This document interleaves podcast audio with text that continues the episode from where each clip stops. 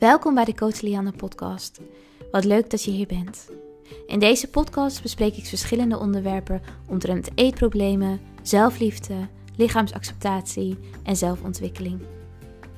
Al met al, alles om te zorgen dat jij sterker in je schoenen komt te staan en dat jij vanuit zelfliefde en vanuit de kracht die al in jou zit, gaat leven. Ik wens je heel veel luisterplezier en als je deze podcast leuk vindt, zorg dan dat je je abonneert zodat je geen enkele aflevering van mij mist. Hi en welkom weer bij een nieuwe podcastaflevering. Wat fijn dat je er bent, wat fijn dat je weer luistert. En dit keer ben ik weer met een gast die superleuk tegenover mij zit. Hallo, welkom Hallo. Nina. Wat fijn dat je er bent. Ja, superleuk. Helemaal naar zijn. Amsterdam gekomen. Ja, Of nou ja, helemaal. Dat is wel heel overdreven. Maar ja, superleuk. ja, zeker. Ja, we hebben, ik denk drie maanden geleden even contact gehad over het opnemen van een podcast. Ja, En eh, nu ik weer terug ben in Bali, kunnen we dit natuurlijk heel mooi doen. Ehm, ik moet wel heel even eerlijk zeggen, lieve luisteraars, dat mijn microfoon het niet deed. Dus ik heb net een half uur lang ehm, het geprobeerd. Maar we nemen het op met de audio van mijn laptop. Dus eh, mocht je denken, wat is het geluid raar, wat is het geluid slecht, eh, bear with us. Want we roeien met de riemen die we hebben. En net zoals dat we dat eigenlijk al mooi zeiden, dat is misschien ook een klein beetje het leven. Ehm, maar ja, we wilden deze kans gewoon niet laten lopen om überhaupt gewoon deze podcast op te nemen. Want ik heb er ontzettend veel zin in om met jou in gesprek te gaan. En alle wijsheid die jij deelt op Instagram ook eh, met mijn volgers te kunnen delen. Ehm, maar vertel, wie ben jij? Wat doe jij? En ehm, ja, ja, ik vind het altijd zo'n moeilijke vraag. Maar ik ben eh, Nena en ik eh, ben 26 jaar. Ik zeg dat altijd erbij, ik weet niet of dat nou dat is, doe ik ook altijd. Ja. Dat is zo random, hè? Ja, ik ben Janne en ik ben 27 jaar. Ja, en dan bijna waar je gaat wonen ook nog. Ja. Maar, hè, waarom? Maar goed. Willen we dit echt weten? Ja, is zo, een soort van zo ingeprent. Want dat moet je zeggen als je jezelf voorstelt. Ja. ook iets raars eigenlijk in deze maatschappij. Dat je dus alleen maar feitelijke dingen doet. Maar goed, maakt niet uit. Ja, want ik, ik deel ook als, altijd zelf op Instagram dat je eigenlijk nooit precies weet wie je bent. Want je bent, Nee, ja, het enige wat ik altijd weet is dat ik mens ben. ja. Maar verder, alles wat ik doe is niet wie ik ben. Mijn naam Nee, is niet wie echt. ik ben. Maar dit is echt heel filosofisch gelul, dat weet ik. maar Maar het is wel echt zo. we koppelen zo inderdaad onze identiteit aan hoe oud we zijn, waar we wonen, wat we doen. Wat je ehm, hobby's zijn. Wat je hobby's zijn, wat, ge- ja. wat, je, wat je hebt gestudeerd. Ja. Of, ehm, of je een vriend hebt of niet. Of een vriendin of wat ook maar. Wanneer je een huis gaat kopen, wanneer je dit, wanneer je dat. Ja, dat zijn allemaal van die, echt van die vragen. Ja, Standaard vragen inderdaad. ja. Ja, Maar- maar, goed, wie Dat ben ik dan wel? Wie ben ik dan wel? Wie wil jij graag zijn? Ja. Ehm, nou goed, ik denk dat we, dat we, ja, we kennen elkaar via Instagram. Dus dat is denk ik ook wel een, eh, dat is niet per se wie ik ben, maar dat is wel een eh, deel van mij. Ehm, En ook de reden waarom je hier zit, eigenlijk. ja, Ja. en ik ehm, zit even altijd terug te denken aan mijn eigen heling eigenlijk. Want dat is eigenlijk ook part of the reason waarom ik hier uiteindelijk ben gekomen. En ehm, ik heb zes jaar lang een eetstoornis gehad en ik heb een seksueel misbruiktrauma. Ehm, dat bepaalt natuurlijk ook niet gelijk wie ik ben, maar dat is wel de reden dat ik, waarom ik mijn Instagram-account eigenlijk heb en heb eh, gecreëerd. Om in herstel eerst zelf eh, hulp en herkenning te vinden en om eh, er inspiratie uit te halen. En toen ben ik daar zelf steeds meer over gaan delen. En steeds meer gaan delen. Het was eerst heel erg anoniem. En toen uiteindelijk kreeg het steeds meer gezicht. Omdat ik ook wel voelde dat ik toch wel wat meer met mijn verhaal naar buiten wilde komen. Ehm, toen heb ik uiteindelijk vorig jaar een boek ook uitgebracht. Een gedichtenbundel.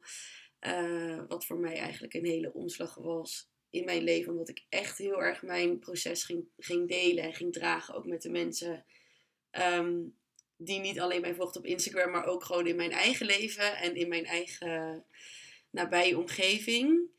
En zo mag ik daar steeds meer in groeien en steeds meer, eh, ja, mag ik dat deel van mezelf steeds meer naar buiten ook gaan dragen, wat ik heel lang voor mezelf heb gehouden. Mhm. En daardoor komen ook dit soort mooie dingen op mijn pad. Dus dat is ook. eh, Bijzonder eigenlijk, hoe dat werkt. Dat als je zelf... als je zelf voelt dat dat iets is wat je graag zou willen en dat die energie naar buiten brengt, dan krijg je dat natuurlijk ook terug. En hoe ik dat altijd heb geleerd, ehm, is dat een heel groot onderdeel van heling, wat pas, pas later komt, vaak is own your story. En owning our story is ook het naar buiten brengen van ons verhaal. zeker. Omdat we daarin ehm, veel dieper in verbinding komen met onszelf en met de kern van ons bestaan. Ja, En ook ervaren en voelen dat we daarin ook andere mensen ook dienstbaarheid kunnen tonen. Ja. Dus dat is eigenlijk heel erg mooi. ja, ja. En ook vooral dat je, ehm, als je ergens mee struggelt en je houdt het heel erg voor jezelf, dan voelt het ook echt alsof het er niet mag zijn. En alsof je een deel van jezelf eigenlijk ook gewoon niet het daglicht gunt, om het zo te zeggen. Mhm. En wanneer je dat wel gaat doen, of uiteindelijk in stapjes gaat doen, merk je ook van. Oké, ik ben niet raar. Of het, er is niks anders aan mij. Iedereen struggelt met dingen. En dat kan zo een bepaalde Rust uplift geven. Ja. Of rust geven. Of Mhm. voldoening. Dat je denkt, oh, ik mag er gewoon zijn zoals ik ben. En ik mag laten zien hoe ik me voel. En het is niet iets fouts of het is niet iets verkeerds. En dat is denk ik echt zo'n mooie stap in je heling die je jezelf mag gunnen. Om wel naar buiten te treden. Gewoon voor wie je bent. En voor wat je doet. En voor waar je wilt staan. En ik denk dat dat echt een hele mooie... Ja, ook een heel mooi bewijs is naar jezelf. Om dat te mogen doen. Ja, ja, ik geloof inderdaad dat het inderdaad een bewijs is, maar daarin ook ehm, een hele grote laag van omarming Ja, eigenlijk van ja, jezelf. Ja. Ehm, en een, hele, een heel groot deel van het proces eigenlijk op het moment dat je in heling stapt. Ja. Ehm, voor mij hielp dat eigenlijk, het hielp voor mij om erover te praten. Mm. Maar in eerste instantie was het het erkennen van mijn pijn door mezelf. Door bijvoorbeeld erover te schrijven. Ehm, waardoor ik het ook langzaamaan ook naar buiten durfde te brengen. Mhm. Eh, maar mooi dat je dat zegt. Dat, dat, ehm, dat je mag zijn wie je graag zou willen zijn. En dat je ook mag zijn met je pijn. En mag zijn met, met je verleden. Ja. En dat iedereen natuurlijk struggelt. ja. Maar dat dat niet afdoet van het feit dat jouw struggle er niet mag zijn. Nee, en Ehm. ik denk ook echt dat we dat de meeste van ons zijn opgegroeid in een, in een maatschappij of, of in een situatie van oké, nou we moeten doen alsof het goed gaat en we bespreken alleen de leuke dingen. Het antwoord altijd ja, goed met jou, terwijl Ja. we struggelen allemaal met dingen. Oh, toevallig had ik dat vanochtend nog. Dat een, een vriend van mij die ik al heel lang niet had gezien, die kwam naar me toe en zei, hoe is het? Ik zei, ja, goed met jou. En toen zei hij, dit is gewoon bullshit. en toen zei ik, oh my god, ja, wow. Dit normaliter doe ik dit helemaal niet meer. Maar het gaat zo maar automatisch. het gaat zo automatisch. ja. Zei hij, het gaat niet goed. Ik zo, nou ja, ik, eh, ik heb wel even een zware situatie op dit moment. En toen, ehm, toen zei ik, wow, dit is zo gek dat ik gewoon gelijk gewoon het, het Zit er zo ik vind het ook niet iets slechts hoor. Want ik, ik wil ook niet altijd alle zwaarte bij iedereen neerleggen. Dus soms zeg ik ook gewoon ja goed. Ja. Omdat ik gewoon denk, ja, ik, heb, ik hoef niet met jou te praten. Dus, Nee, en je hoeft ook niet bij de cashier of zo gelijk zeggen. Exact. Nou, ja, nou ja, ik... eh, ja. Ehm, dus het is natuurlijk ook of jij zelf kunt filteren bij wie je bepaalde dingen neer wilt leggen. Maar inderdaad, we zijn wel in een maatschappij opgegroeid. En niet alleen wij, maar eigenlijk voornamelijk onze ouders. Ja, Want onze zeker. maatschappij is tot op zekere hoogte aan het shiften. In mijn hoofd shift die ontzettend. Maar Ja. eigenlijk, als je, als je niet in deze wereld zit, valt het eigenlijk nog best wel tegen. Ook met body positivity. Ja. Maar ehm, ja, onze ouders zijn voornamelijk eigenlijk geconditioneerd en geprogrammeerd uit ouders die uit de oorlog komen en uit de overleving komen. Ja. Waarin ehm, ja, naoorlogse voorouders vonden eigenlijk dat er niet zoveel aan de hand was. En vonden dat emoties er Nee. niet mochten zijn. En moesten ook alles praten. en wilden Ja. er niet over praten. En ehm, ja, die, die kenden dat gewoon helemaal niet. Er was geen ruimte. Nee. Nee, ik vind het ook bizar hoe, ook heel logisch, maar als je terugdenkt hoeveel jaren dat dan doorgaat op mensen Ja. en op en op en Nou ja, het is, het is zeg maar, je, je eh, knipt zelf die rode draad door als Mhm, mens. Eh, en als kind van je ouders knip jij die rode draad door. En ehm, ja, dat is natuurlijk misschien wel het mooie van, van de periode waarin wij nu opgroeien. Wordt het Mhm. ook wel net iets meer mogelijk gemaakt. Ja, Ehm, maar ja, het is bizar. Het is heel bizar hoe dat zo doorontwikkelt in ons. Ja. ehm, in ons als mens. ja, zeker. Dat vind ik inderdaad ook. En op een gegeven moment, zoals je ook zegt, moet je zelf voor jezelf bewijzen van oké, dit werkt niet voor mij of dit, dit past niet bij mij. Dat is ook iets wat je voelt. Het is iets wat je voelt. Alleen Mm. het, mooie, het bizarre is wel dat heel veel mensen niet in verbinding Ja. staan met hun gevoel. Dus dat is natuurlijk punt één. Ja, En de tweede, ik denk dat dat eigenlijk wordt gemanifesteerd in mentale issues ja, en in fysieke issues. Dat mensen ziek worden of dat mensen mentale struggles ervaren. Mhm. Doordat ze dus niet in verbinding staan met emotie. En doordat ze ontzettend veel aan het onderdrukken zijn. En niet alleen van zichzelf, maar ook van hun voorouders. ja, precies. Ja, Dus we worden uitgedaagd in het leven ja, om te voelen, om emoties Zeker. te omarmen. ja. ehm, door fysieke klachten of door mentale klachten. En als we daar geen gehoor aan geven, ja, dan zegt het universum wel van oké, je moet eigenlijk best wel veel lessen nog leren. ja, precies. Ehm, ja. Ja, Ja, en ook hoe dat dan uiteindelijk toch elke keer weer op je pad komt. Hoe vaak je zegt, nee, ik wil nu niet, nee, ik wil dit niet. Uiteindelijk komt het ook altijd terug. ja, Dat voel ik wel echt de les die je dan denk moet leren. En als ik naar mezelf kijk, was ik super, als kind super emotioneel. Stond ik echt dicht bij mijn gevoel. En op een gegeven moment is dat gewoon uitgegaan. ja. Tot ik op een gegeven moment mijn misbruiktrauma omhoog, dat het omhoog kwam. Dat ik, dat, ja, dat mijn lichaam blijkbaar dacht, oké, het is nu safe genoeg om er wel ruimte aan te geven en om het te voelen. Maar ik denk, het is bizar dat je zo lang in die overleving kan zitten. Het is wel mooi dat je zegt dat je lichaam het aangeeft. Want Ja, heel veel mensen denken dat wij dingen, dat we gebeurtenissen herinneren met ons hoofd, maar we herinneren met ons Mhm. lichaam. Het Ja. zit niet opgeslagen in ons hoofd. Ons lichaam, ons zenuwstelsel ja, slaat alles op. ja, dat is inderdaad zo belangrijk daarin. En om dat weer tot rust te kunnen brengen uiteindelijk. Ja, Ja, ja, ja. Dat is echt ook lastig. Tenminste, in mijn geval daarna of in die tijd ontwikkelde een eetstoornis. En dan, om dan nog je zenuwstelsel tot rust te brengen, dat is natuurlijk, dan krijg je dubbel. Eigenlijk. Ja, dat is eigenlijk onmogelijk. Dan ja. krijg je natuurlijk dubbel spanning. Mhm. Ja, het is ontzettend veel stress voor je lichaam. Ja. Je, lichaam zit eigenlijk al in de overleving en dan wordt het nog meer in de overleving Ja, gebracht, Ja. natuurlijk. ja. Ja. Kan je mij vertellen hoe, ehm, hoe voor jou herstel was? En wat was voor jou de stap überhaupt om te helen van een eetstoornis? Ehm, ik denk dat ik in de eerste jaren van mijn eetstoornis wel.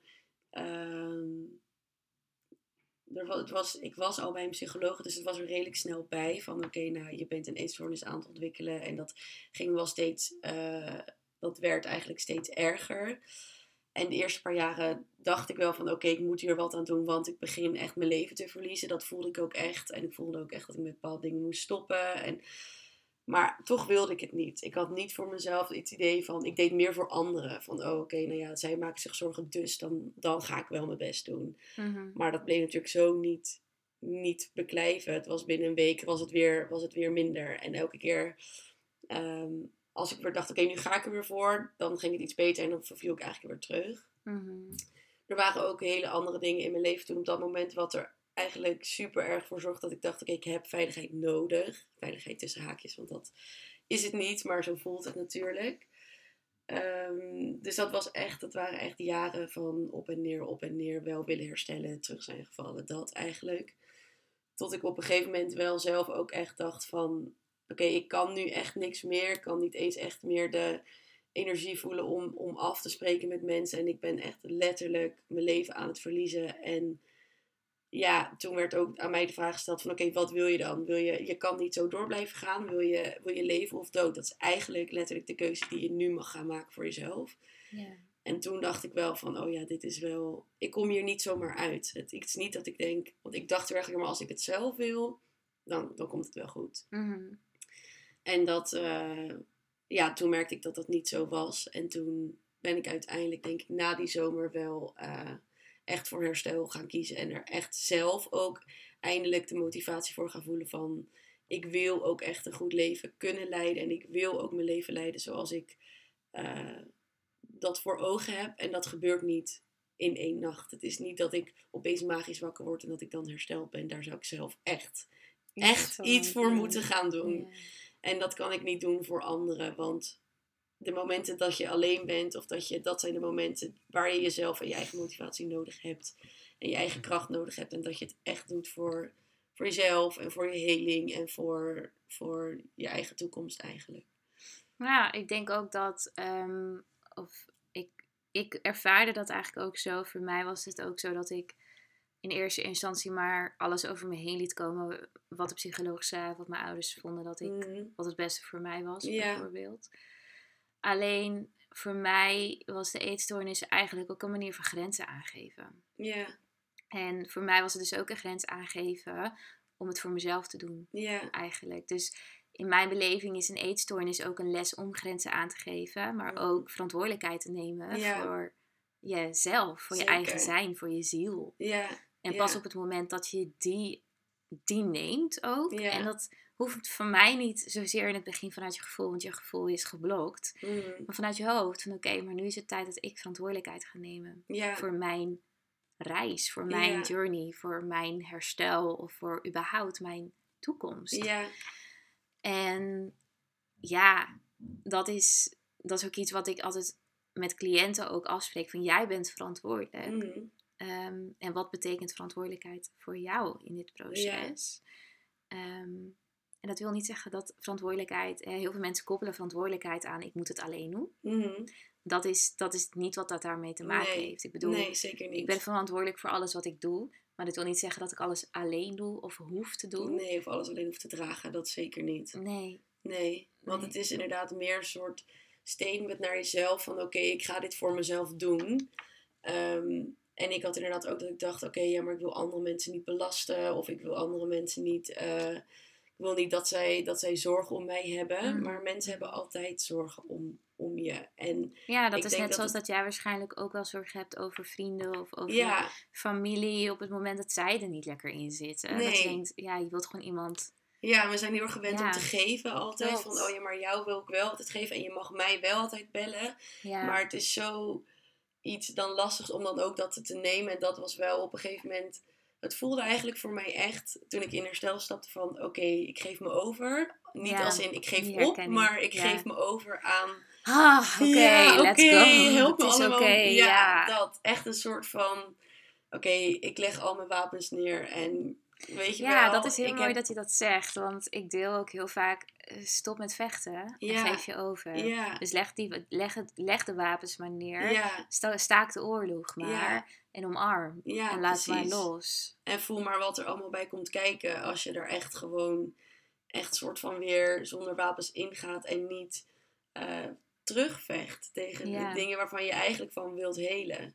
Klopt. Want het voelt natuurlijk als het meest, meest veilige om daar dan wel tegen in te gaan of daar dan wel weerstand tegen te bieden. Ik denk dat heel veel mensen denken dat het herstel weerstand bieden tegen gedachten is. En Ja. weerstand bieden tegen het gevoel wat, ehm, wat het geeft op het moment dat je patronen doorbreekt. Mhm. Alleen Het is eigenlijk dan wordt het verdragen. groter. Ja, Ik vind verdragen altijd best een, een negatieve lading hebben. In mijn beleving is het meer omarmen. ja, En ja, de rust in kunnen vinden door, je- door jezelf er doorheen te dragen eigenlijk. Ja. Dus niet verdragen, maar ik leer mezelf er doorheen Ja. dragen. ja, Ehm, omdat het is een deel van mens zijn. En als ik dat deel van mens zijn kan omarmen, dan, ehm, ja, dan word ik er eigenlijk alleen maar sterker door. ja, En wij zitten hier nog steeds.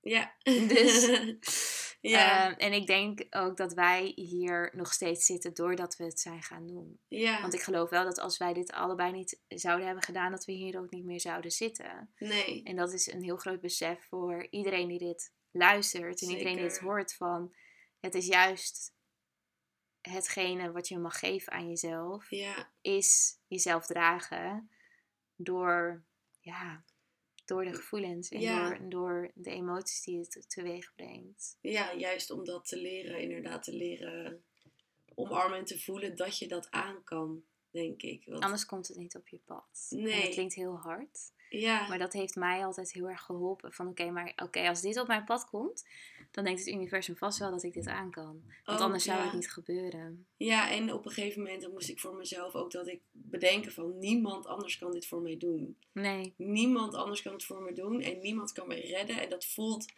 echt heel pijnlijk en Ja. heel eenzaam en heel verschrikkelijk. Maar ergens achteraf gezien is het ook heel mooi dat je kan zeggen: Oké, ik heb dit gewoon voor mezelf gedaan. En ik heb dit gewoon ook. Je hoeft het niet alleen te doen, want je mag natuurlijk echt alle hulp en steun ontvangen. Maar uiteindelijk ben jij degene die, die het wel heeft gedaan voor jou. Ja, En dat vond ik zelf ook heel krachtig. Dat je denkt, ik kan dat he- mijn hele brein gewoon ehm, herprogrammeren. herprogrammeren. Hoe krachtig is dat om te bedenken dat je dat kan? En dat je echt steeds, hoe verder je komt in herstel, steeds meer voelt van, oh, ik heb die gedachten echt veel minder. Of op een gegeven moment dat je zo ver komt dat je denkt, wow, normaal had ik dit gedaan en nu doe ik automatisch gewoon dat. Ja, Dat is zo bizar. Dat zijn echt van die, dat je allemaal van die doelen had opgeschreven en dan opeens leef je het doel ja, dat zijn echt van die momenten. Nou, ik heb zo vaak daarom nog tranen moeten laten van wow, dit is echt bizar dat dit gewoon echt bestaat. Want je denkt vaak, oh ja, maar bij mij, iedereen kan het behalve ik. ja Terwijl- dat slachtoffer natuurlijk. Dat is Ja, jezelf klein proberen te houden. ja, Omdat je ook al weet dat als jij gaat geloven dat je het kunt, dat je dan ook door alle puinhoop heen ja, ja, werkt en gaat werken ook. ja, Dus dat is ook angst. Ja, natuurlijk. zeker. Dus ook jezelf gewoon letterlijk ervan afhouden om er überhaupt doorheen te gaan. ja.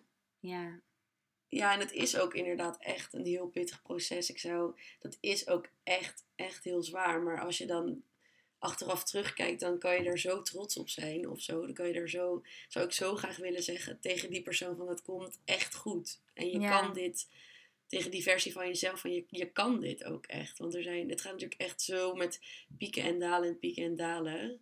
En als ja. je dan uiteindelijk... maar je ervaart eigenlijk dat dat het leven is.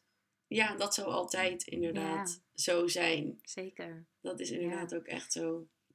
Er is ook niet een soort moment dat het klaar is. Ik bedoel, er komen altijd weer dingen in je leven hoe verder je groeit, waar je dan weer uiteindelijk nog meer van kan groeien. Mhm. Heb jij ook ooit de overtuiging gehad dat als je bijvoorbeeld dat proces had doorgemaakt, of dat je dat, als je het dan zou herstellen van een eetstoornis of je hersteld zou voelen, dat, ehm, dat er dan niks erg meer gebeurt? Of dat het Ja. dan gewoon is, weet nou, je ik wel? dacht, ik dacht ook altijd van, oké, er is een daar, snap je? ja, Van, precies. Ja. Oké, dus als ik daar ben, dan ben ik gelukkig, kan ik mijn hele leven leiden, dan is er niks meer aan de hand, weet je wel. En dat, Mm.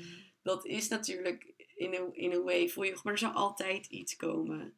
En er zal altijd iets op je pad komen. Ehm, het leven gaat gewoon in golven en in eh, ups en downs. Klopt. Maar ik dacht dat ook zeker, ja. ja, ja. Ja, ja dat is wel. eh, bijzonder. Dat, ehm, ik, ik hoor dat ook veel van cliënten, dat het een soort van eindbestemming is. ja, Maar in mijn beleving is dit gewoon het, is het eigenlijk de start van juist. Pas van het begin. alles. Ja, Ehm, en van het, ehm, in mijn beleving is inderdaad heling is gewoon een, een, een levenslange reis. zeker. Ehm, alleen je leert jezelf steeds weer op een andere manier opvangen. Ja, En je ervaart dat als er heftige dingen gebeuren of heftige emoties omhoog komen, dat je, dat, dat je jezelf er doorheen ja, kunt dragen op steeds Ja. weer een andere, fijnere, mooiere manier. En dat Ja. wil niet zeggen dat dat, niet, dat dat betekent dat je dan, als er iets heftigs gebeurt, je gewoon lekker door kan gaan en lekker gelukkig kan zijn. ja. Maar dat het juist is dat je dat mag huilen. ook inderdaad echt en dat niet. je op de grond mag liggen en dat je gewoon van jezelf even niet omhoog hoeft te komen Ja. de komende dagen. Ja, En dat dat zonder oordelen zonder afwijzing kan. ja, ja. Dat je gaat begrijpen hoe jouw brein werkt, hoe je zenuwstelsel werkt, hoe emoties werken. En dat je dat voor jezelf kunt omarmen. Ja, want ik ben ook in periodes zo bang geweest om me dan naar te gaan voelen. Mm. Dat ik dan nog harder ging rennen om me niet naar te voelen. Dan Waardoor je juist eigenlijk waardoor naar ik ging me voelen. nog naarder ging voelen. Dat Ja. ik dacht van, oh nee hoor, maar het is niet aan de hand. Nee, ik ga gewoon weer... Ik voel me echt goed hoor. Ja. ja. Precies dat. En dan denk je ook echt van, ja maar als je donkere periodes hebt gekend, dan wil je daar gewoon niet meer naar terug. Ja. En dan denk je, nee, bij alles wat al een beetje zo voelt, denk je, nee, nee, ga ik niet doen. Of nee, ik eh, voel me gewoon beter. Of dat je extreem dingen gaat doen waar je goed van denkt te gaan voelen. Terwijl Ja. je dan eigenlijk nog compleet aan het negeren bent wat er zit en waarom je je naar voelt. Maar dan denk je, oké, ik ga dat doen, want dat doet me goed. En dat doet me goed en Ja. dat doet me goed. Terwijl dat is letterlijk gewoon eh, Coping weer. Dat is Ja. letterlijk eigenlijk ook controle. controle en toch Dat maar is ook eigenlijk wat ik altijd bedoel met toxische Ja. Hallo. Toxische positiviteit en toxische eh, eh, spiritualiteit eigenlijk. Ja, Ehm, dat we bijna eigenlijk journalen of mediteren of ehm, stenen of wierook of wat de fuck ook maar Ja. ehm, te vinden is, gaan gebruiken om ons beter te voelen. Terwijl ik heb liever eigenlijk dat cliënten zeggen: wow, ik heb me echt, ik ben echt door zoveel heen gegaan de afgelopen week en ik heb gehuild en ik heb geschreeuwd en ik heb in kussens geslagen Ja. en ik heb mezelf daarin dus eigenlijk ontladen. ja, Ehm, en ik ben leeg. Ja. En dat is eigenlijk iets heel moois. Ja. Mensen zijn bang voor leegte, mensen zijn bang voor rust, omdat Ja. rust ons, en dit klinkt misschien heel zwaar, maar rust ehm, herinnert ons aan dood. En ons Mm. zenuwstelsel wil ehm, alles eraan doen dat we dat niet ervaren, omdat, het, omdat we gewoon organismen zijn die ehm, in een overlevingsdrang zitten. Voor altijd zullen we dat hebben. Dus leegte herinnert ons daar dus ook aan, aan doodgaan. Maar als we daarin onszelf veilig kunnen stellen, dan zijn we eigenlijk. En dat is ook ver. zo, zo een mooi cadeau wat je aan jezelf kan geven. Ik denk dat de tijd met mezelf, met, met jezelf kunnen zijn, dat is zo waardevol. Want ik heb dat echt jaren niet gekund. Dat was ik altijd druk. ja. Overal, overal was ik. Ik wilde altijd feestjes, altijd, altijd uitgaan. Altijd dan weer daar meteen koffie drinken, dan weer daar. Weet je, het Ja, was ja, dat ik denk, meis, hoe hield jij dat vol? Weet je wel, hoe deed je dat? Maar gewoon zo erg om alles om niet met mezelf te zijn. En ik vind dat nu, dat ik daar zo, eh, want wat we over het hebben over goed voelen en zo, ik merk dat dat voor mij compleet is veranderd sinds mijn heling. Dat eigenlijk de tijd met mezelf zijn mij de meeste ehm, het gevoel van heling geeft. Van, oh, ik kan, ik hoef niet te rennen. Ik mag ook stilstaan en ik mag ook voelen. En dat het mijn doel niet is om me goed te voelen. Mijn doel is om te kunnen voelen wat ik voel. Ja, mooi. Ik heb altijd een soort van de phrase van als ik stilsta, ga ik juist vooruit. Ja, Zo voelt dat voor mij Ja. altijd.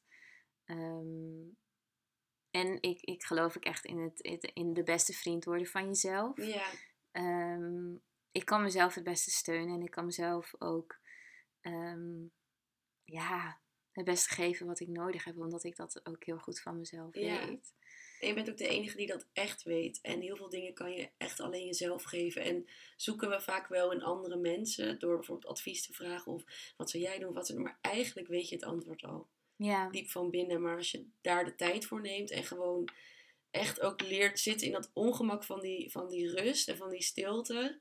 Want ik vond het vroeger echt vreselijk. En nu merk ik van oké, als hoe meer ik ga doen. Hoe meer ik afsta ga staan van mezelf. Mhm. Dus ik heb gewoon die momenten tussendoor nodig om even te kijken van...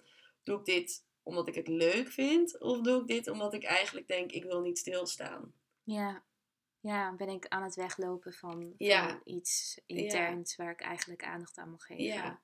Ja, dat is ook wa- wat ik ook heel vaak deel, is dat op het moment dat jij een negatieve lichaamsbeeldgedachte hebt, of een gedachte over eten hebt, of Mhm. überhaupt een oordeel over jezelf hebt, dat dat vaak te maken heeft met een bepaald gevoel wat je uit de weg Ja. gaat, in Ja. plaats van dat het echt de werkelijkheid is, of dat je dan bijvoorbeeld terugvalt in negatieve patronen. Maar het is meer, Ja. hey, iets in mijn lichaam heeft aandacht nodig. Ehm, en waarschijnlijk ben ik gewoon weer te veel aan het doen en te veel aan het wegrennen van wat op dit moment aandacht nodig heeft. ja. Ehm, bizar hoe dat werkt. Bizar hoe we als mens werken. Ja, en eigenlijk weten we als mens nog maar vrij weinig hoe we werken. Ja, ja. Ehm, maar ja, het is net zoals dat als mensen eigenlijk altijd een eh, doorontwikkelend organisme zijn. Ja. En ik vind het dus echt met, met heling dat ik denk... Oké, ik haat het, maar ik vind het tegelijkertijd ook echt leuk. Door zeggen dat je elke keer steeds meer dingen... Ik over- kan me nog herinneren dat ik echt vier, vijf maanden geleden bij mijn coach zat. En dat, dat, dat ik gewoon echt zoveel even aan het ontladen was. En dat, dan, hè, dat ik weer iets nieuws had gevonden, Ja. weet je wel. en dat ik echt dacht, huh. dus ik zat echt zo, Ja. oh my god, weet je wel. Toen zei ze, ja leuk hè, hele. Ja. Oh mijn god. En toen zei ik, ja ik vind het eigenlijk heel leuk, maar ik vind het eigenlijk Ja. echt heel kut. Ja, precies dat, inderdaad. En ik inderdaad ook Ja. laatst echt vet verdrietig weer over iets. En toen dacht ik, nee, je hebt dan weer iets nieuws of zo. Dat je denkt, daar kom je weer tot het inzicht. En dan uiteindelijk denk ik, ja, ik vind het eigenlijk ook wel heel mooi. Maar ja, Ja, maar het ook, doet ook pijn. Het doet ook pijn. Ja. ja. Maar ik vind juist mezelf eigenlijk in die pijn, ehm, en het, het klinkt misschien heel gek, maar die pijn voelen zorgt ervoor dat ik op een heel diepere manier met mezelf verbind. ja, Ehm, het heeft in mijn beleving ook echt iets heel bijzonders. vind ik ook wel echt. Vooral ook dat je voelt, wat ik het meest bijzonder vind uiteindelijk, is dat je voelt dat je jezelf kan troosten. Ja, Of dat je echt voor jezelf zorgt als Echt je heel verdrietig bent. bent, En dat je denkt, oké, wat ga ik doen? Wat heb ik nodig? Warme douche of gewoon lekker in bed gaan liggen. Dat je echt soort van op een bepaalde jezelf een beetje instopt of voor jezelf echt Precies. zorgt. Weet je, dat, denk dat is soms voelt dat ook verdrietig. Dat je denkt, oké, waarom moet ik dit alleen doen? Maar soms voelt het ook zo krachtig dat je dat alleen kan. En dat je dus die rol voor jezelf ook kan vervullen. Ja. Ja, en ik merkte ook wel dat ik op een gegeven moment ook echt zei van... Laat mij maar even. Ja. Weet je, ik, Ja. ik wil hier heel even met mezelf Ja. mee zitten. Toevallig was het afgelopen weekend ook... ehm, dat, ik, dat iedereen zei, oké, moet ik even met je mee, weet je? Ja. Nee, laat me maar even. Ja. Ehm, ik wil heel even hier alleen mee zitten. En ehm, geef me maar heel even die ruimte. En ik neem die ruimte alweer in. En dan is het aan mij dus. En dat vond ik vroeger dus heel erg moeilijk om te zeggen. Ik heb iemand nodig. Ja, ja, ja. Maar dat het dan op een gegeven moment dat ik dan later ook zei. Oké, en nu heb ik je nodig. Ja. Wil je Ja, hier wow. komen? Ja. Ehm, en dat was voor mij ook echt even een herinnering van wow. Dat dit, dit is gewoon Ja. wat zo bijzonder is. Dat je je grenzen aangeeft. Maar dan ook weer kwetsbaar opstelt van oké, maar nu Ik heb het nu wel heb ik je ja. nodig. En Ja. mag ik nu een knuffel? Of mag ik heel even bij je uithuilen? Ja. Ehm, ja, dus dat, dat, dat op een gegeven moment ook meer gaat voelen waar jij behoefte aan hebt. In plaats van waarvan je denkt dat je nodig zou moeten hebben uit je hoofd. Omdat iedereen vindt dat je... Er iemand moet zijn als je aan het huilen bent. Exact. Ja. Terwijl Ja. alleen huilen kan ook zo helend zijn, vind ik. Heel. Dat is echt dat je... En inderdaad, op een gegeven moment kom ik vaak op een punt dat ik denk... Oké, maar nu wil ik wel graag dat er iemand is. Maar Ja. inderdaad, ik denk ook dat het zo krachtig is als je dat voor jezelf kan eh, voelen. Maar ook dat je ernaar kan leren handelen om wel inderdaad te vragen van... eh, ik heb nu hulp nodig en dat is zo niet zwak. Dat is zo juist Ik vind het juist ontzettend krachtig. Prachtig. Ja, dat je gewoon kan zeggen van oké, maar ik heb wel even behoefte aan dat je langskomt of zo. Ja, of Ja, wil je of naast me gaan zitten? ja, En dat is natuurlijk ook wel iets wat, wat ik hierin ook altijd mee wil geven, is communiceer dat duidelijk. ja, Want iemand anders weet vaak niet wat jij nodig hebt tot, totdat jij dat vertelt. ja. Dus zeker. wees duidelijk in het stukje, ik wil alleen zijn en Ja, ehm, ik wil hier heel even mezelf doorheen leren dragen. Of ik heb jou nu nodig, zou je naast me willen zitten? Je Ja. hoeft niks te zeggen, maar je mag wel een arm om me heen slaan. Ja, Want En dat is ook hoe ik dat graag zou willen, dat iemand met mij dat Ja. zo communiceert. ja, Eh, mag, je dit ook, eh, mag je dit ook aan jezelf gunnen om dat zo te communiceren Ja. met anderen? ja, omdat je dan ook een heel stuk ruis ook gewoon weg kan halen. Mhm. Wat misschien, het, die ruis kan er misschien ook voor zorgen dat het nog meer pijn doet als iemand niet echt doorheeft wat voor hints je geeft of wat voor dingen je nodig hebt. Ik denk dat we gewoon daar een stuk transparanter in mogen en kunnen zijn. 100%, maar weet ook dat jij als omgeving, je hoeft niet te redden en je hoeft niet een Nee. oplossing te bedenken, Nee, maar je mag er gewoon zijn. Ja. bedoel, Je wilt zelf ook dat er iemand is. ja, En je mag, je mag, ja, je hoeft eigenlijk niets te doen. Jouw aanwezigheid, en dat is natuurlijk ook Vaak wel het stukje eens. genoeg zijn als mens. Het is gewoon genoeg om er gewoon te zijn. ja, Jouw aanwezigheid is genoeg ja, op elk mogelijk moment. ja, zeker. Ja, Ja. Ja, ook omdat er vaak mensen zijn die zeggen, ja, ik weet niet wat ik moet zeggen, maar vaak hoeft dat niet eens. ja, je hoeft niet de woorden te vinden. Nee, Alleen maar het gevoel te geven Ja. dat het oké is wat er ook is. ja, Ja, ja, echt wel mooi hoe we dat kunnen doen als mens voor elkaar. ja. En natuurlijk eigenlijk voornamelijk voor jezelf, toch? Ja, zeker. Ja. Dat ook. hey, en we hadden het ook nog heel even eh, toen, toen ik je vroeg wat wil je eigenlijk bes- bespreken. Ik ben nog steeds niet gegroeid in het eh, in lijn brengen van een podcastaflevering. maar ik denk dat ik het ook het leukst vind om dat überhaupt niet te Ja, doen. Want we praten over de meest mooie onderwerpen in mijn beleving op dit moment. Maar we hadden het ook heel even over dat stukje zelfsabotage in herstel. Ja, En ehm, wel herstellen, maar eigenlijk niet de stappen zetten in herstel die nodig zijn om die vrijheid te ervaren. ja. Wat wil je daarover delen?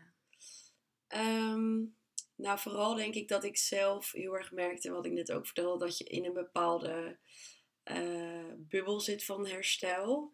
En dat je, dat je wellicht er wel uit wilt, maar het nog niet echt lukt. En je met qua zelfsabotage, ik merkte gewoon dat op het moment dat ik echt mijn eetstoornis ging dragen, om het zo te zeggen, van oké, ik, ik, ik eh, erken dit deel van mezelf, het is er en het mag er ook zijn. Niet dat ik alleen maar ging terugvechten en heel erg boos erop was, maar ook echt dacht van oké, eh, het mag er zijn. Dat ik ook steeds meer eh, merkte dat ik op meerdere vlakken in mijn leven mijn eigen persoonlijkheid of mijn eigen kern ging erkennen.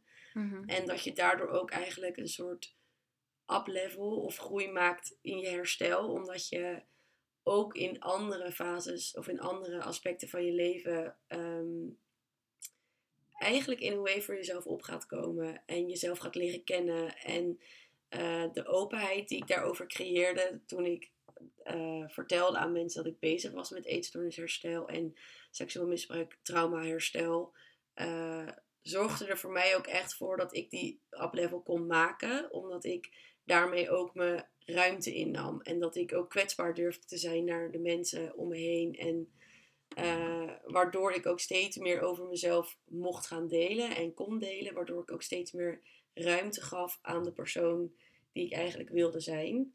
Omdat er op een gegeven moment ook een hele grote vraag ontstond van... Oké, ik ben mijn eetstoornis aan het leren loslaten, maar wie ben ik dan? Of wie, wie, ja, wie neemt er dan de ruimte in? En dat gaan onderzoeken en eigenlijk steeds meer die eetstoornis proberen los te laten. En steeds meer te groeien naar de Nena die ik wilde zijn op dat moment. Of de Nena die ik eh, voor ogen had toen. Uh, zorgde er ook echt voor op andere aspecten in mijn leven dat ik ook keuzes voor mezelf ging maken van maar dat dient mij niet meer of dat past niet meer bij mij of dit is graag iets wat ik wil doen en het maakt niet uit wat de maatschappij ervan vindt. Uh, ja, dat je ook in bepaalde relaties je grenzen aan leert geven. En dat je daardoor eigenlijk nog meer jezelf leert omarmen dan alleen maar herstellen van een eetstoornis. Niet alleen maar, dat is al heel veel. Maar dat je toch ook nog, nog meer groeit. En ja, qua zelfsabotage, dat je daar best wel... Uh, ik kon daar zelf ook best wel een zelfsaboterende rol in spelen. Dat ik dacht, ja, maar ik wil wel herstellen van mijn eetstoornis. Maar ik wil niet... Uh, dan tegen mensen zeggen dat ik daarmee bezig ben. Dat ik mezelf eigenlijk nog heel erg klein hield door niet er eerlijk over te zijn of door niet mijn ruimte in te nemen bij andere mensen of misschien maar bij een paar specifieke mensen, maar door het groter te dragen voor jezelf en op meer vlakken ruimte in te nemen, viel die zelfsabotage ook steeds meer, meer weg eigenlijk. Omdat uh, wanneer ik dacht, oké, ik neem mijn ruimte niet in, was dat onbewust een bevestiging aan mijn overtuiging, maar ik ben het niet waard om te herstellen, want niemand vraagt hoe het gaat of niemand is er voor me, bij wijze van spreken.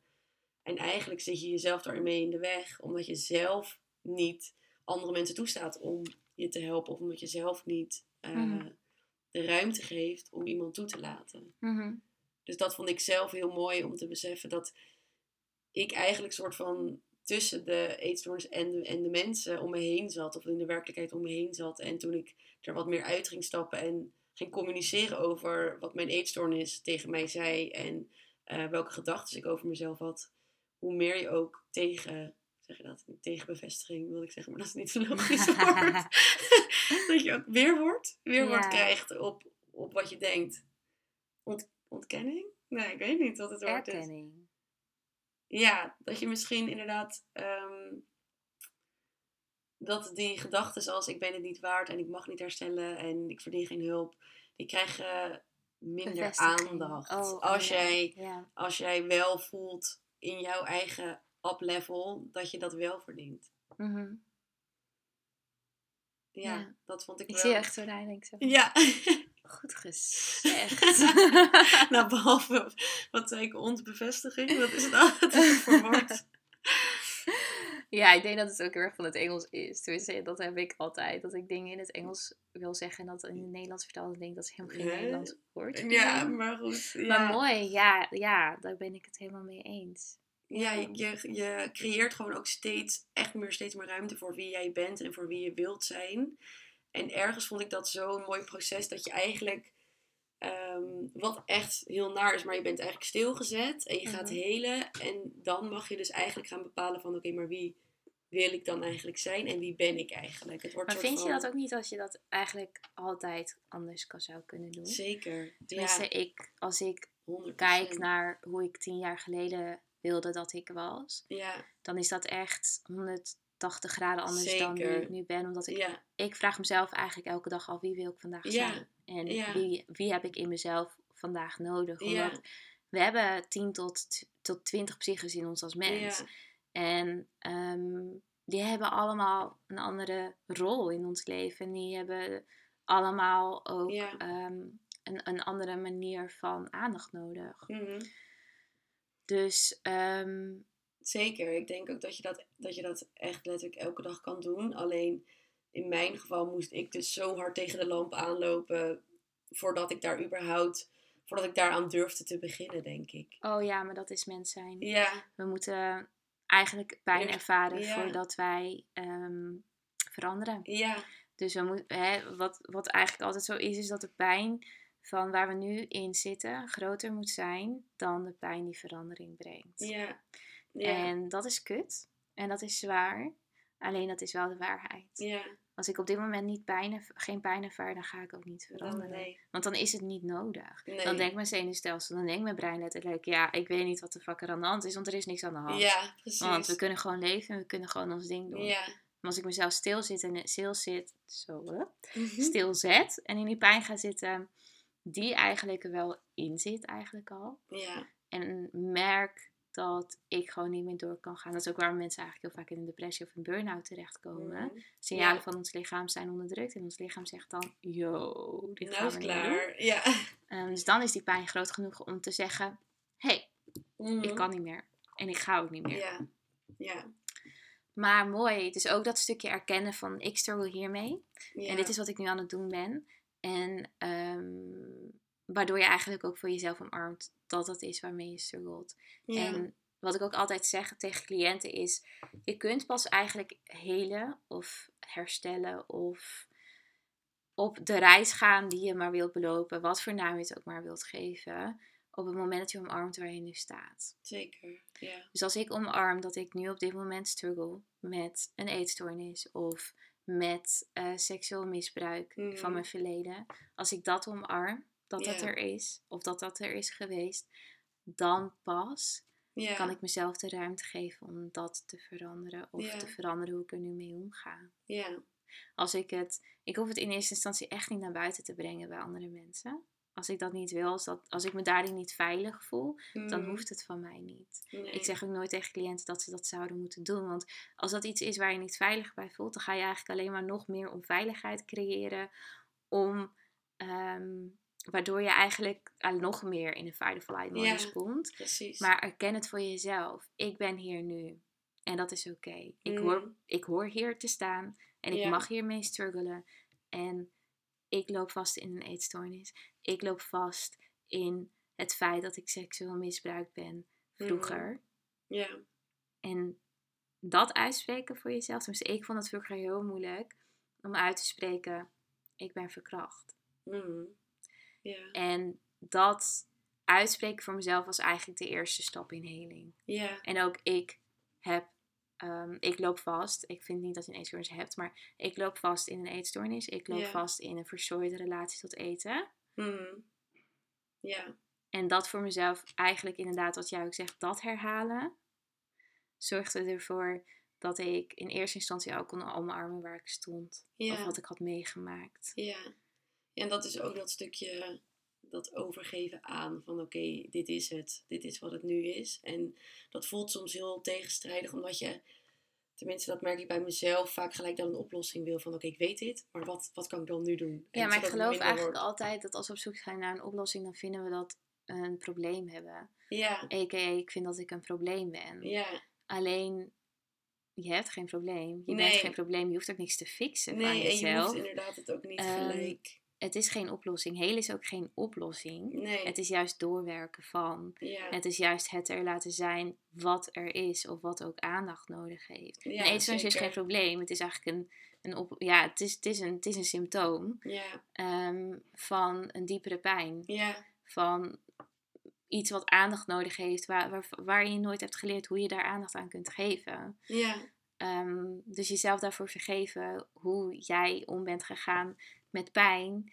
is ook vaak een hele mooie stap. zeker. Ja, Ja, ja, het was inderdaad meer dat ik dat vroeger dan super zo kon denken. Maar nu denk je, ja, maar er, het is er en er hoeft voor heel veel dingen geen oplossing te zijn. oh nee.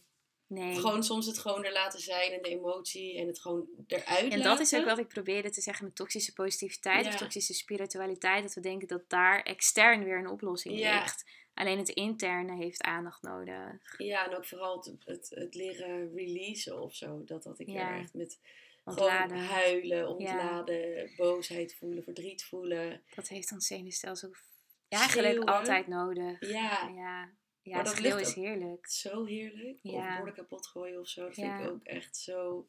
Ja, dat is echt... Dat... En daarna voel je altijd zoveel lichter. Ja, ja, Letterlijk die ontlading. ja. We denken altijd dat een bepaalde vorm van artistieke expressie ervoor Mhm. zorgt dat e- we emoties doorwerken.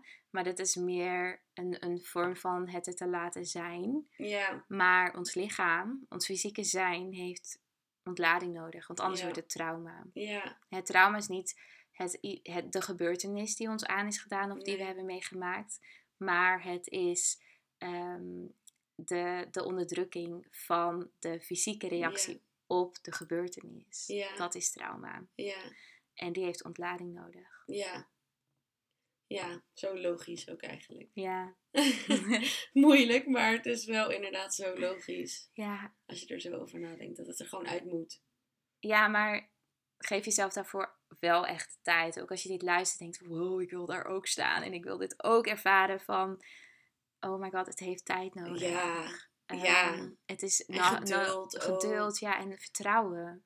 Ja, Het, het, het is, het is ook voor jou en deze reis is ook voor jou. En als je dit luistert, dan ben je daar al. Dan sta je al op die reis. Zeker, Dan heb ja. je die eerste stap al gezet. ja, Ehm, en geef jezelf alsjeblieft ruimte en, en ook ehm, omarming dat, dat het zwaar mag zijn. En, en dat je soms ook niet altijd hetgene doet waarvan je denkt, oh ja, dat is heling. Nee, ja, het gaat heen en weer.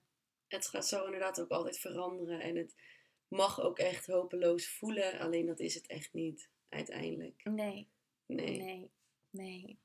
Ja, hopeloosheid vind ik eigenlijk ook een hele mooie emotie om in te zitten. Ja, het is, Het is inderdaad- zwaar, maar het het is zwaar, wel... ja. Ehm, machteloosheid is ook wel een hele extreme emotie. Ehm, maar het is wel, ja, het mooiste waar je jezelf doorheen kunt dragen. Van ik heb ook eigenlijk geen controle en ik vertrouw erop Ja. dat, ja, dat ik word gedragen. Ja, zeker. En inderdaad, als je dat vertrouwen in die veiligheid in jezelf vindt, Ja, dan heb je altijd een soort reddingsboei die je daar doorheen kan, kan dragen. Kan, eh, door die, dat soort emoties. ja. Mooi. Ik denk dat het mooi is om hem hiermee af te sluiten. Ehm, ik heb altijd drie vragen die ik iedereen stel, Oh. die te gast is in mijn podcast. Hm. En de eerste vraag is, wat betekent zelfliefde voor jou? Ehm zelfliefde. Ik zit hier naar mijn hoofd te kijken omdat ik eigenlijk moet niezen, maar het gaat al weg. Eh, zelfliefde voor mij betekent. ehm, ik denk het betekent het, ge- het gevoel dat ik al mijn emoties en gevoelens kan dragen. Hmm, mooi. Ja, Ja. Ik kan mezelf door alles heen dragen Ja. waar, ik, waar ik doorheen, eh, waar ik doorheen Ja. moet gaan. Moeten klinkt heel heftig, maar waar ik doorheen ga, wat op mijn pad komt. Ik weet dat ik alles aan kan. kan met mezelf. Met Ja, mezelf. ja, Doordat ik mezelf draag. ja. Mooi. Wat betekent vrijheid voor jou? Ehm, vrijheid betekent voor mij leven naar mijn innerlijke wereld en los van verwachtingen en overtuigingen. Verwachtingen die ik denk dat andere mensen voor mij, van mij hebben. Dat hoeft Mhm. niet altijd zo te zijn, maar dat kan je zelf invullen. En los van oude overtuigingen. Als Mhm. ik kan dat niet, voor mij is dat niet weggelegd, dat soort dingen. Ik denk dat die bewegingsvrijheid daar, daar los van, dat dat voor mij wel echt vrijheid is. Omdat ik dan voor mijn gevoel Mooi. alles kan. Ja, dat kun je ook ik. als mens. En je, Ja. kunt, je kunt tot zover jij gelooft dat je iets kunt. Ja, Dat alles is weggelegd voor jou. ja, Zeg maar, de mogelijkheden zijn eindeloos. Alleen het is vaak ons kopie, ons ego. ja. Wat, wat dus inderdaad zegt, oh, dat is niet voor jou. Ja, ja. Jij kan dat niet. Ja, Hallo dat ego, fijn dat je er bent, dankjewel. Ja. Maar Nee hoor. ik besluit even dat ik niet naar jou ga luisteren. Ja, precies. Oké, laatste vraag. Wat betekent het voor jou om naar je intuïtie te luisteren? Ehm oh, mooi is dat. Eh, het betekent eigenlijk, ik denk eigenlijk alles. Want mijn, ik eh, ben heel erg ver weg gaan staan van mijn intuïtie. Ja. Heel lang, terwijl ik er eigenlijk altijd op kon vertrouwen. En ik heb altijd een soort van out there geleefd en niet binnenin. Mhm. Dus eigenlijk is dat mijn, mijn waarheid, mijn kompas, mijn routekaart in het leven. En dat ik ook zelf mag leren om daar gewoon echt op te vertrouwen. Mooi. Ja. En op die lichamelijke intuïtie, denk ik dan. Ja, de fysieke Ja. intuïtie. Die, ja. Ja. dat is eigenlijk onze overleving Ja. in, ja, die, wat, wat, wat ons veilig houdt natuurlijk. Ja. mooi. Dankjewel dat je hier was. Ja, jij ook Dankjewel bedankt. voor je prachtige woorden. Ehm, en ik zet de link naar jouw Instagram wel even in de Ja. beschrijving van deze Is podcast. Ehm, dus voor iedereen die vragen heeft aan Nena of iets Mhm. meer over haar wilt weten, check even die link. Ehm, en nogmaals bedankt dat je er Ja. bent en jij dat je ook zoveel bedankt. deelt.